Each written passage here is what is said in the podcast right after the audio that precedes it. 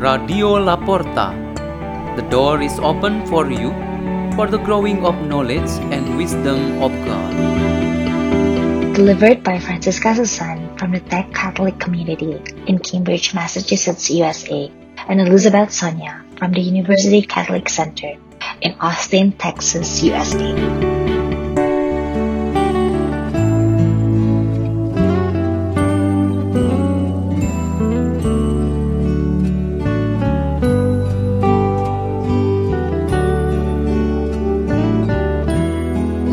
And meditation on the Word of God on Monday of the first week of Lent, February 22nd, 2021, the feast of the chair of Saint Peter the Apostle.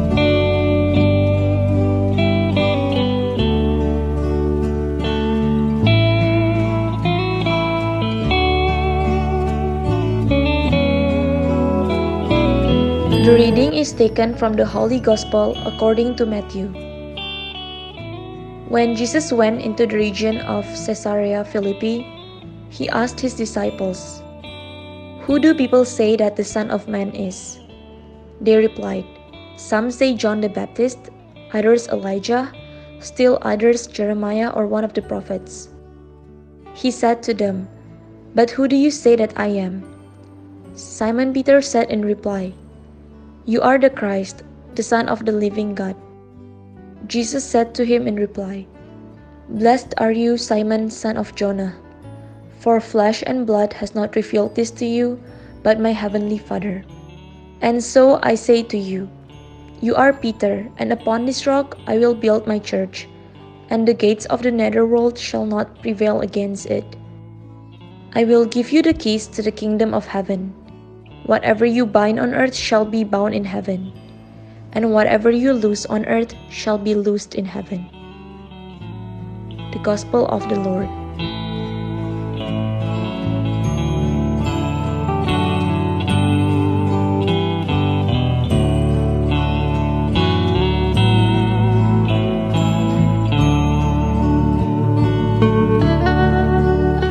Our meditation today has a theme Depend on the Builder. In a small town, there is only one suspension bridge built over the river, which divides the town and has been a great benefit to both pedestrians and drivers. All the townspeople worked together to collect funds for the development of the bridge. The craftsmen and workers were also from the town itself. When the provincial government visited the town, they were amazed and praised the permanently built and modern bridge. They asked the people of the town who designed and worked on the bridge. They unanimously say that the bridge from the beginning to the end depended heavily on the builders and craftsmen who worked it out. We can say the same thing about the building and formation of the church as the community of God's people.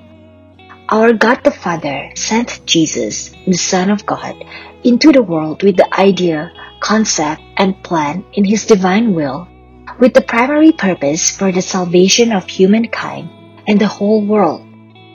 The builder who had finished his plan and work was Jesus Christ. All the works and their outcomes totally depended on Jesus Christ. During his life with his foster father, Joseph of Nazareth, Jesus learned to be a carpenter like his father Joseph. Among the furniture produced, the wooden chair could be a particular and important item which was very meaningful for Jesus. This chair represents a central position in the kingdom of God. In building his church, Jesus created a permanent stone chair that could not rot and be eaten by termites. The chair occupied by the church leader was chosen by Jesus himself to lead the flock of God's people when he already ascended into heaven. The seat was occupied by the first pope, namely Peter, the first apostle. It has been called Peter's chair until now. The Pope, from time to time, to the current Pope Francis, leads the Church by sitting on the throne that Jesus had prepared. The Pope, in collegiality with all bishops in the world, presides, teaches, guides, and governs the Church. He teaches in truth and wisdom like Jesus Christ and Saint Peter. The Pope's authority is not a social and political force to rule the world, but a moral force, faith, and spirituality of life. He guides in a shepherd style, as did Jesus Christ. He governs that we preserve our fellowship in Christ to prevent divisions in the church. Today we are all asked to pray for our Holy Father, Pope Francis. Let's pray. In the name of the Father, and the Son, and the Holy Spirit. Amen.